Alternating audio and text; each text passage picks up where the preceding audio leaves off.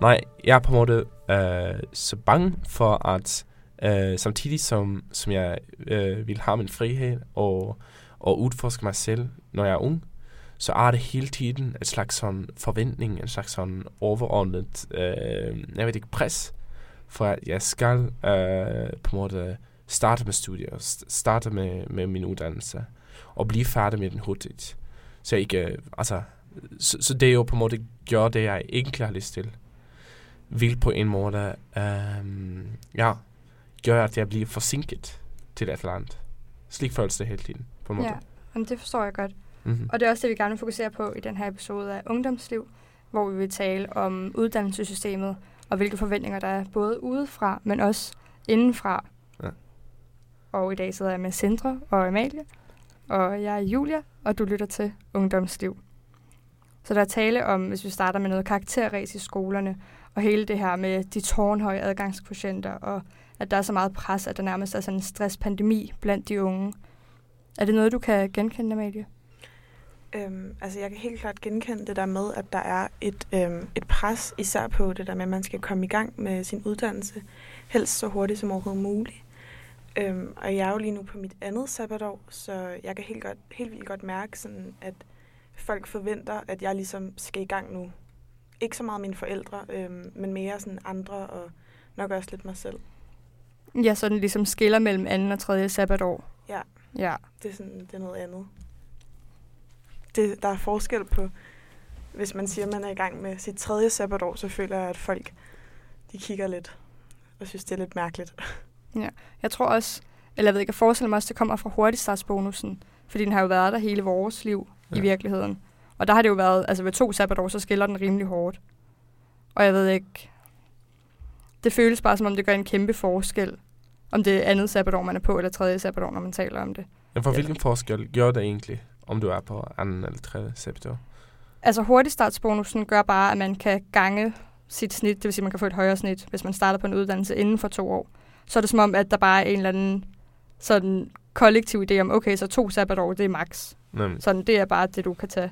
Ja, for det, det er interessant, for det er akkurat det samme i Norge. Men ja. der er en anden system øh, med øh, førstegangsvideomål, som på en måde er øh, en, en, det, at du kan søge på et lavere karaktersnit, om du søger inden de første to år.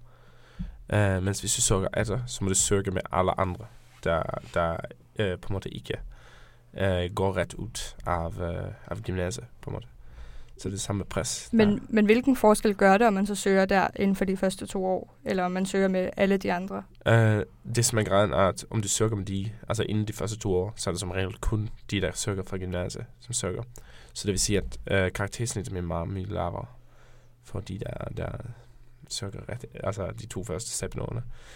Efter to sabbatår, som man siger. Uh, faktisk. ja. Men, uh.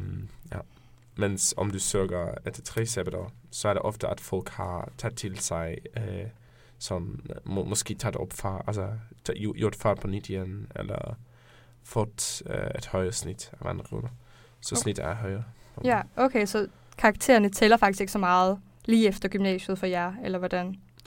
Jo, jo, jo, altså det tæller naturligvis, men, men, det, øh, men det er lavere, altså det er lettere at komme ind, om du søger hurtigt. Så det er en slags sådan forventning også, altså i Norge, om at du skal søge rigtig hurtigt, for den bedste måde at komme sig ind på det, man vil. That's slet. Ja. Jeg tror, ja, jeg ved ikke rigtig med karaktererne i Danmark, om det også påvirker, fordi jeg føler, at der er rimelig stor fokus på karaktererne i Danmark også. Ja. Og så i forhold til sådan noget med karakterræset. Jeg ved ikke, om det også... Altså når du siger det her med, at det også betyder noget. Ja. Ja, det betyder meget, altså, om du kommer ind på, på det, du ønsker. Mm-hmm. Men at, men at, øh, men at det også er på en måde et pres der, for at om du skal søge på den letteste måned, så må du gøre det inden to september. Ja. Helt slet. Mm. Så, øh, så det er derfor på en måde også jeg er lidt, øh, som, som jeg startede om tidligere, sådan lidt bange for at bruge for lang tid på september. Fordi altså, om man ikke, øh, om jeg ikke gør det inden de første to år, så um, på en måde går mine chancer ned. Altså det bliver større uh, field of competition, som man siger på engelsk, altså slet. Ja. Uh, og sværere at gå. Og du havde den samme følelse af ikke at tage for mange sabbatår. Men der er det jo ikke, vi har jo ikke samme system. Hvad er din begrundelse? Øhm, ja, men jeg tror bare, at, øh, at der, der ligesom er en forventning om, at det er nu, jeg skal gå i gang, og at, at efter, jeg har bare altid tænkt, øh, da jeg gik i gymnasiet, sådan, jeg skulle have to sabbatår, og så skulle jeg i hvert fald i gang. Men øh, jeg tror bare ikke, at det er det, der altid er det rigtige, og jeg tror, at nogle gange har man bare brug for længere tid. Så det er sådan. Også bare fordi der er meget pres på i forhold til at vælge rigtigt. Altså nu tænker ja. jeg for eksempel SU-klip. Mm. Sådan noget, altså du har kun et begrænset antal forsøg, og så er du ellers bare på den, hvis du ikke ja, helt altså, har fanget den derinde. Har I noget lignende? Uh, ja, det, uh, det er ganske nyligt, at uh, den norske regering indførte et system på... Fordi normalt så, uh, så har det været sådan, at uh, når du studerer, så kan du tage op et studielån, og så bliver en del af studielånet gjort om til stipend. Uh, men det, de har lavet en regel om nu, er, at om du skal få den andelen af studielånet uh, øh, gjort om til stipend, så må du have fuldført en grad. Så vil sige, det bliver et stort pres på at uh, vælge rigtig første gang. For om du tager op et lån uh, på et studie, som du på en måde ikke uh, ender op med at gøre færdig, så ender du op bare med en masse lån, og ingen, ikke, ikke noget andet gjort om til stipend. Så måske for eksempel, hvis du starter på tandlæge, og så finder ud i år to, uh, at uh, nej, jeg har lyst til at blive normal læge, så, uh, så ender du op med to års værd af studielån, altså lidt. Okay, så der er også et kæmpe pres på, ligesom ja, på ja, økonomisk pres fra samfundet, ikke? Ja, ja. virkelig. Så, så det er på en måde en... en så jeg, jeg tænker meget på det, Armane siger på en måde, at, at hun ligesom har set for sig på gymnasiet, at man skal gøre det på den måde. Det er også et ja, pres på det. Øh, og så har vi været ude og spørge nogle andre elever her på Grundtvigs Højskole, om, om de kan mærke et eller andet pres fra uddannelsessystemet, både i forhold til samfundet, men også i forhold til dem selv og deres venner og familie. Hvordan har du oplevet forventningerne udefra i forhold til studie- uddannelsesvalget? Øhm, jamen, jeg tror, jeg er så heldig at være i en gruppe af mennesker, der ikke har presset særlig hårdt på, og rimelig meget lade mig køre mit eget show. Øhm, så jeg føler faktisk ikke presset udefra at komme i min nære cirkel, men mere af, hvad politikerne siger. Jeg har ikke oplevet, at der har været forventninger i forhold til, hvilken uddannelse jeg skulle vælge. Men jeg har oplevet, at der var forventninger i forhold til, hvor hurtigt man skulle starte på den uddannelse. Ja. Øhm, fordi de fleste begynder inden for sådan to år, mm-hmm. og jeg er på mit tredje sabbatår. Så jeg har været meget opmærksom på tidsintervallet i forhold til, hvilken uddannelse. Jeg tror, at de største forventninger, jeg har oplevet, kommer fra min mor, mm-hmm. som er meget sådan, øhm, hun lægger meget vægt på, at jeg skal vælge noget, som hun tror, der er en fremtid i. Mm-hmm. Sidste år søgte jeg ind på sociologi, oh, og der var hun sådan lidt, ah, Isabella, er du sikker på, at der er et job i det her? Og jeg måtte svare hende, nej mor, det ved jeg faktisk ikke, om der er, men det er spændende. Så jeg tror, hun går meget op i, at jeg skal vælge noget, jeg kan bruge til noget i godsøjne. Jeg havde en sådan rimelig stor succesoplevelse som sådan 19-20-årig. Ja. Øh, og nu, specielt min familie, har lidt mere at forvente ekstremt meget når det kommer til sådan, for eksempel nu har jeg lige søgt studie, ja, ja, ja. og de snakker som jeg allerede er kommet ind, ja. selvom at der er meget, meget lille chance for, at jeg faktisk kommer ind. Ja. Så det er sådan en mærkelig sådan, øh, kan man leve op til det, man startede med at gøre, agtige ting.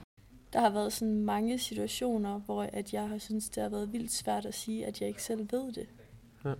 Sådan, du ved, når man kommer til øh, familiefødselsdag og sådan noget, og, og du ved, bedsteforældre har sådan den der tendens til hele tiden at spørge, hvad der sker, og hvad skal der så ske. Og sådan. Hvis man ikke lige er helt med på ens eget hoved, og ikke lige er, øh, er der, hvor man kan træffe en beslutning, så kan det godt være sådan en stressfaktor. Øhm, jeg oplever det for mine forældre. Ja. Øhm, når vi snakker om uddannelse, så er det typisk med en klar forventning om, at nu handler det om noget positivt og noget drivkraft, der siger, at det vil man gerne, og det glæder man sig til, og det føler man, at man er hjemme i. Ja. Øhm, så der er sådan en, en meget positiv diskurs, men også en meget forventningsfuld diskurs om, at uddannelse, det er sådan noget, man er, det er man glad for, det går man så umage med, det bliver man glad af. Det ja. giver en meget mening. Øhm, ja. ja, og så er der jo sådan en generel forventning om, at man skal uddanne sig. Ja. Og folk siger, hvad vil du være, når du bliver stor? Det betyder ikke, hvilken kæreste vil du have, eller hvilken farve skal din bil være? Det Nej. betyder, hvad vil du uddanne dig som? Ja. Okay, så der var også nogen, der nævnte det her med, at man føler, at man skal starte hurtigt efter, eller sådan starte efter i hvert fald andet sabbatår. Men der var også nogle indre omstændigheder, du fortalte om, Amalie. Hvad, hvad var der der? Altså, det er jo helt klart en forventning, jeg har til mig selv om, at jeg skal starte her efter to år. Og jeg har også øh, søgt ind i år, øh, hvor jeg lidt har det sådan, at nu prøver jeg at søge ind og prøver at se, om det her det er noget for mig. Øh, men det vil egentlig ikke gøre mig sådan helt vildt meget, hvis jeg nu fik for eksempel et afslag, eller jeg endte med at droppe ud, fordi så føler jeg faktisk, at jeg sagtens ville kunne få et tredje sabbatår, sabbatår til at gå øh, sådan helt fint. Så du vil egentlig ikke rigtigt, altså det er ikke fordi, du sådan brænder for at studere her til sommer? Øhm, jo, og jeg, jeg snakkede faktisk med Louise om det her, inden øhm, jeg skulle på højskole, hvor at, jeg startede med at snakke en hel masse om, at, at ja, jeg skulle søge ind, men det ville egentlig ikke rigtig gøre mig noget, hvis jeg ikke kom ind, hvor Louise stoppede mig og spurgte, om jeg egentlig overhovedet havde lyst til at øh, læse her til sommer, fordi det var rimelig vigtigt, at jeg havde lyst til det. Øhm, og jeg har, jeg har lyst til at begynde at læse til sommer, men på samme måde, så vil det alligevel måske heller ikke. Altså det vil ikke være verdens undergang, hvis det var, at jeg øh, først kom til at læse næste sommer. Mm. Så jeg er sådan lidt, det er lidt op til skæbnen. Ja. Og så var der også, så var der også nogen, der talte om det her med, at der var pres fra familien på en eller anden måde. Der var nogen, der nævnte, at, at de ligesom har haft en succesoplevelse, at så havde de lagt et eller andet bundniveau. Ja. Og skulle de bare leve op til det. Kender. I det? Som det, den der følelse af, at man skal leve op til andres forventninger om en, og så presser man sig selv til det. Det kan jeg rigtig godt. Ja. Jeg husker, at jeg har plejet at... Øh, for da, jeg har på en måde kun taget et sabbatår øh, lige nu. Men jeg har øh, talt med min far om det, og taget øh, et andet sabbatår. Så hver gang vi, vi taler om det, så er det sådan, ja, og så måske, så tager du tre sabbatår, og fire sabbatår, og så ender du op med at jobbe på McDonald's og sådan noget. er det det, du vil lade mig leve lidt til? Så bliver jeg sådan, nej, far, nej, måske jeg skal ikke diskutere det med ham. Og det er, det er rigtig sådan pres, som at du skal starte tidligt på studiet, for nu du er i dine formerende år, og du må øh, hurtigt komme i gang med dit liv.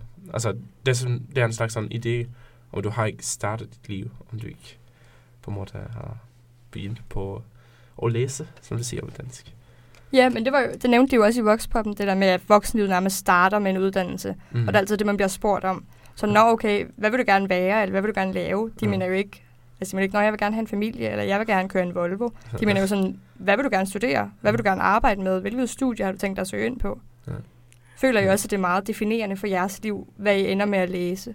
Ja. Mm.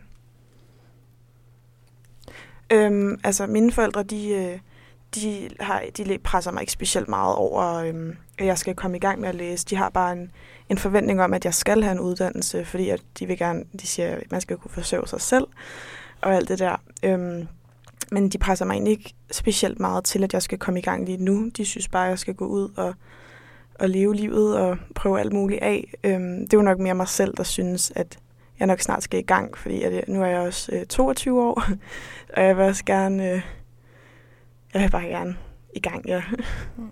Men det virker også som et godt sted at runde af, det her med, at andre egentlig gerne vil det bedste for en, ikke? I ja. virkeligheden, også selvom man joker med, at man ender på ja. McDonald's. ja. Så det var det, vi nåede i dag. Ja. Øhm, tak til Sindre og Amalie for at medvirke. Og jeg er Julia, og det her var Grundlyd.